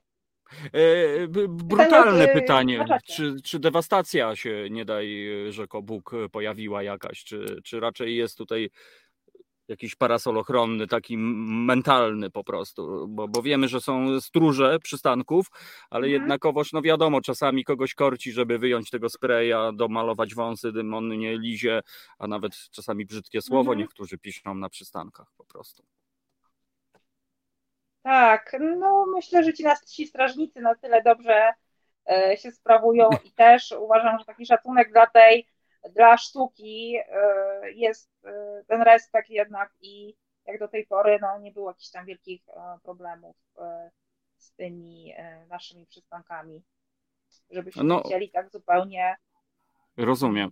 Ale to tylko tylko to potwierdza właśnie ten niesamowity do, dodatkowy efekt y, w ogóle tych przystanków, że, że no obudziło się coś, co, co być może no ci ludzie nawet się jeszcze nie spodziewali, że może będzie jakaś wspólnota, bo to też dla mnie jest taka postawa obywatelska, bo w gruncie rzeczy to jest branie odpowiedzialności, prawda, za wspólne dobro, jakoś tam nawet poprzez baczenie na to, y, pilnowanie tego, nawet nieświadomie być może ci ludzie nie wiedzą, że biorą udział w czymś naprawdę bezcennym w gruncie rzeczy, czyli w budowaniu społeczeństwa obywatelskiego, no bo to się dzieje na różnych poziomach po prostu. Tak. Tak, ale no. nikt z nas nie był tego świadomy, że to aż tak mhm. bardzo będzie miał taki wydźwięk właśnie. I, I nawet e, to zainteresowanie nawet samych sołtysek tym, że nagle pojawia się e, kosz na śmieci, no trzeba ten kosz też co jakiś czas opróżnić, e, czy założenie samej kostki brukowej, czy jakiegoś mhm. grysiku, żeby y, na ten przystanek jakby no, wyglądał y, porządnie, tak? I żeby ten, y, ta jakość też oczekiwania pod stopami, żeby nie było błota, zmienia się. Nie powiem, że ta, ta kostka była jakaś fantastyczna, ale no jednak to jest naprawdę duże wyzwanie, żeby w danej wiosce nagle wystarał się ktoś o przydział, tak, takiej kostki, czy żeby zakup dokonać, zakupu do, dokonać z tych, nie wiem, czy kratów mhm. sołetki, czy z jakichś składek, no widać, że nie wiem, w Brudnowie na przykład mogę powiedzieć, że pani sołtys tam bardzo zadziałała w tym centrum wsi, to jest na, tam, na samym zakręcie, przystanek jest dosyć e, taki rozłożysty, e, ale tak, e, był taki skwerek, który, no, na którym rosły chwasty, czy, czy parkowały samochody, w tej chwili jest tam wysypany kamyczkami, rosną fajne, fajne roślinki, więc no, zrobiło się naprawdę bardzo przyjemnie. No to jest e, niesamowite, bo, no bo cóż, no dodajmy, że, że pierwszy e, zamysł to było raczej działanie artystyczne, tak? E, jak, jak rozumiem. Tak, zagospodarowanie po prostu, po prostu tej przestrzeni i no po prostu, no zobaczmy, co z tego dalej wyjdzie, tak? No, mhm. przeniesienie, przeniesienie nagle obrazu, które są zamknięte pod kluczem gdzieś właśnie w muzeach, dostępne tylko dla tych, którzy mają czas, na to, żeby właśnie eksplorować, wyjechać daleko, bo nie ukrywajmy, no wiele osób, tak e, wcześniej tu wspomniałeś, że e, no tylko właśnie te obrazy święte, ale no też w czasie takich właśnie takich projektów odkrywamy, że bardzo dużo osób interesuje się sztuką, organizowane są wyjazdy do teatru i, ci ludzie pragną właśnie tego, żeby ktoś zorganizował, ale że nie jadę sam, tylko jednak jedzie nas kilka osób i, i wtedy łatwiej jest tak, w takiej grupie mhm. znajomych też y, odnaleźć się y, w takim, y, takiej rzeczywistości, czy może nie rzeczywistości, ale łatwiej jest się wyrwać, tak? I, mhm. i później też, też gości, że ktoś to zawiezie, przywiezie, no no tak, e, ja mam taką w sumie analogię, no bo w, w, miastach są przestrzenie, e, na których powstają murale, czasami rzeczywiście fajne budynki, albo po prostu dla artysty czasami jest to powierzchnia. Natomiast no, na wsi wiadomo, no trudno iść komuś pomalować elewację jego domu, więc no, pomysł jest mega błyskotliwy i, i, i życzyć by się chciało, żeby po prostu no, znaleźli się naśladowcy w innych miejscowościach. No, podzielilibyście się franczyzą po prostu, że tak powiem, taką jak to zrobić, e, e, czy raczej tutaj duma, że nie, to jest nasze, my, my musimy. No, na razie odpowiadamy na te maile, jeżeli ktoś nas zaprasza, no to na razie jest wszystko w fazie planowania, jak to mhm. najlepiej zorganizować, żeby po prostu też nie zatracić się e, też w tej pracy, no wiadomo, że tutaj to jest też taki aspekt społeczny, wiele, wiele tych elementów, no to jest po prostu tak z potrzeby serca. Natomiast jeżeli dochodzi do tego, że trzeba było gdzieś daleko jechać, poświęcić dużo czasu, no, wiadomo. no to teraz no, trzeba to jakoś przekalkulować, tak? No mhm. ja nie ukrywam, że są tutaj oczywiście w dalszych okolicach też już akcje, akcje właśnie związane z renowacją tych przystanków, nadawaniem im nowej, nowej formy w postaci E, obrazów, ale no to są troszeczkę inne, tak? Właśnie to są na zasadzie bardziej e, już murali. Mhm. Ja też. E, spot...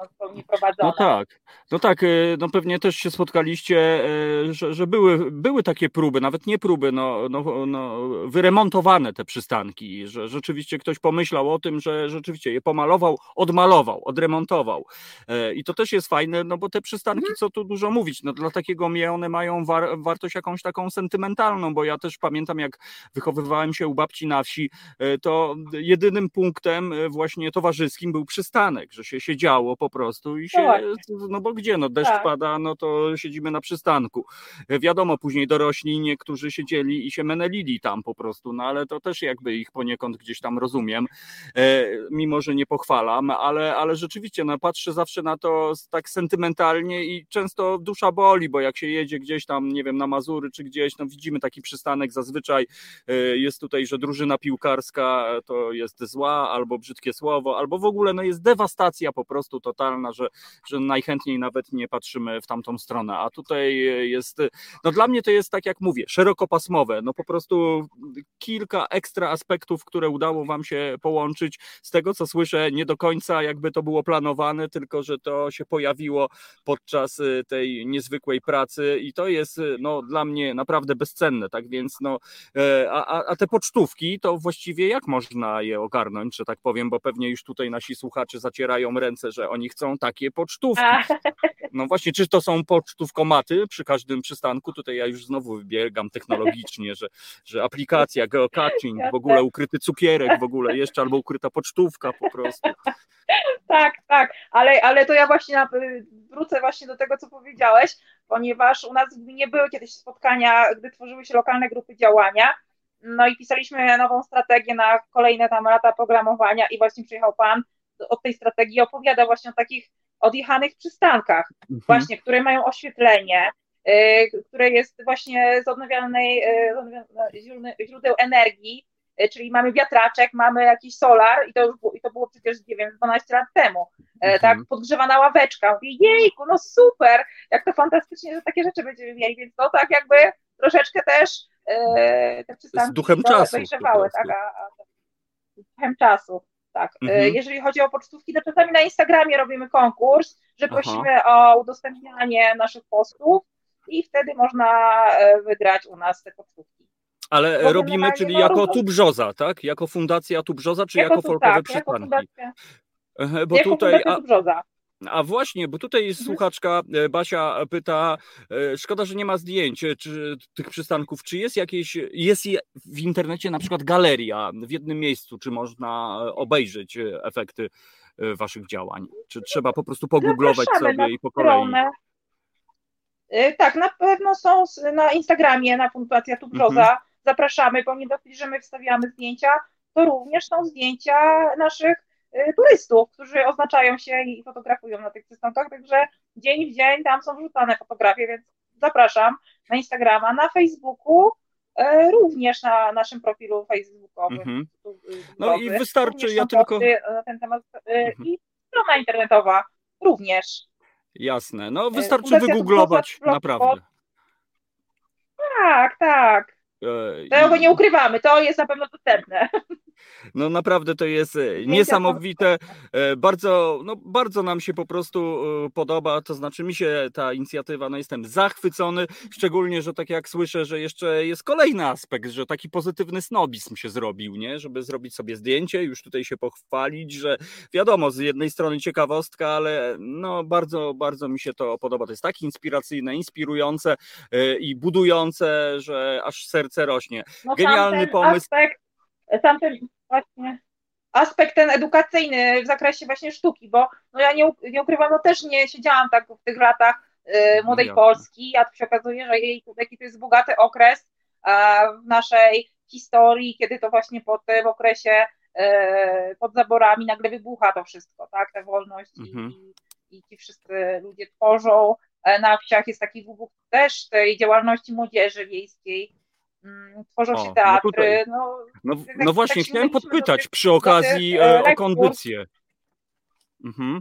E, o kondycję młodzieży, no bo jeżeli pracujecie z młodzieżą, na ter- znaczy nie, no też między innymi właśnie, jak to, jak to wygląda, bo e, mieszkańcy miast no mogą za bardzo, no nie, nie znamy tej sytuacji, czy, czy, czy młodzież tak jak jeszcze paręnaście lat temu zasuwała w pole, żeby rodzicom e, pomagać, jak to teraz wygląda, czy rzeczywiście coś się zmieniło, że jest jakaś forma aktywizacji, czy jest nadzieja jednym słowem dla nas po prostu?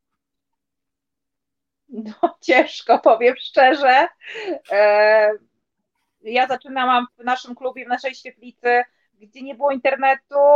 My zaczęliśmy, założyliśmy internet, no to dzieciaki przychodziły właśnie, żeby skorzystać, żeby skorzystać z drukarki mhm. E, i no, działo się sporo wtedy.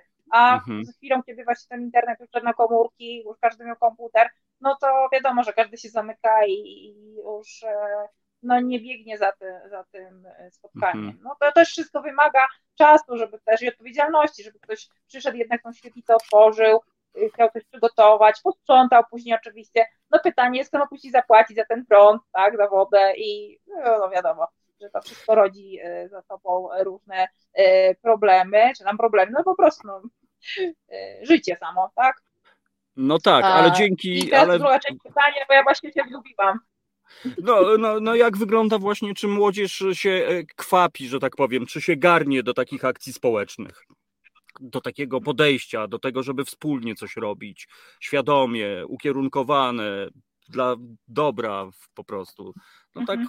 tak. Tak, no to jest całe wyzwanie właśnie tego, no, żeby zaangażować tą młodzież, żeby, żeby wymyślić tak, e, taką akcję, żeby no, można było przy tym się w jakiś sposób i poznać E, powiem szczerze, że ta ostatnia wymiana litewsko-polska też pokazała, no bo tutaj weszliśmy w nową, w nową grupę e, młodzieży, to była taka mhm. młodzież 13, 17, 18 lat e, i też to pierwsze zderzenie z, we współpracy z młodzieżą z innego kraju i, i zachowanie się tej młodzieży właśnie litewskiej, że oni tacy, tacy otwarci bardziej, bardzo na wszystko, że tacy pomocni i wtedy mhm. ta nasza młodzież również nagle się okazało, że to nie jest nic, to nie jest nic właśnie złego, że ja chcę być właśnie taki aktywny i się tak włączyć i być taki usłużny.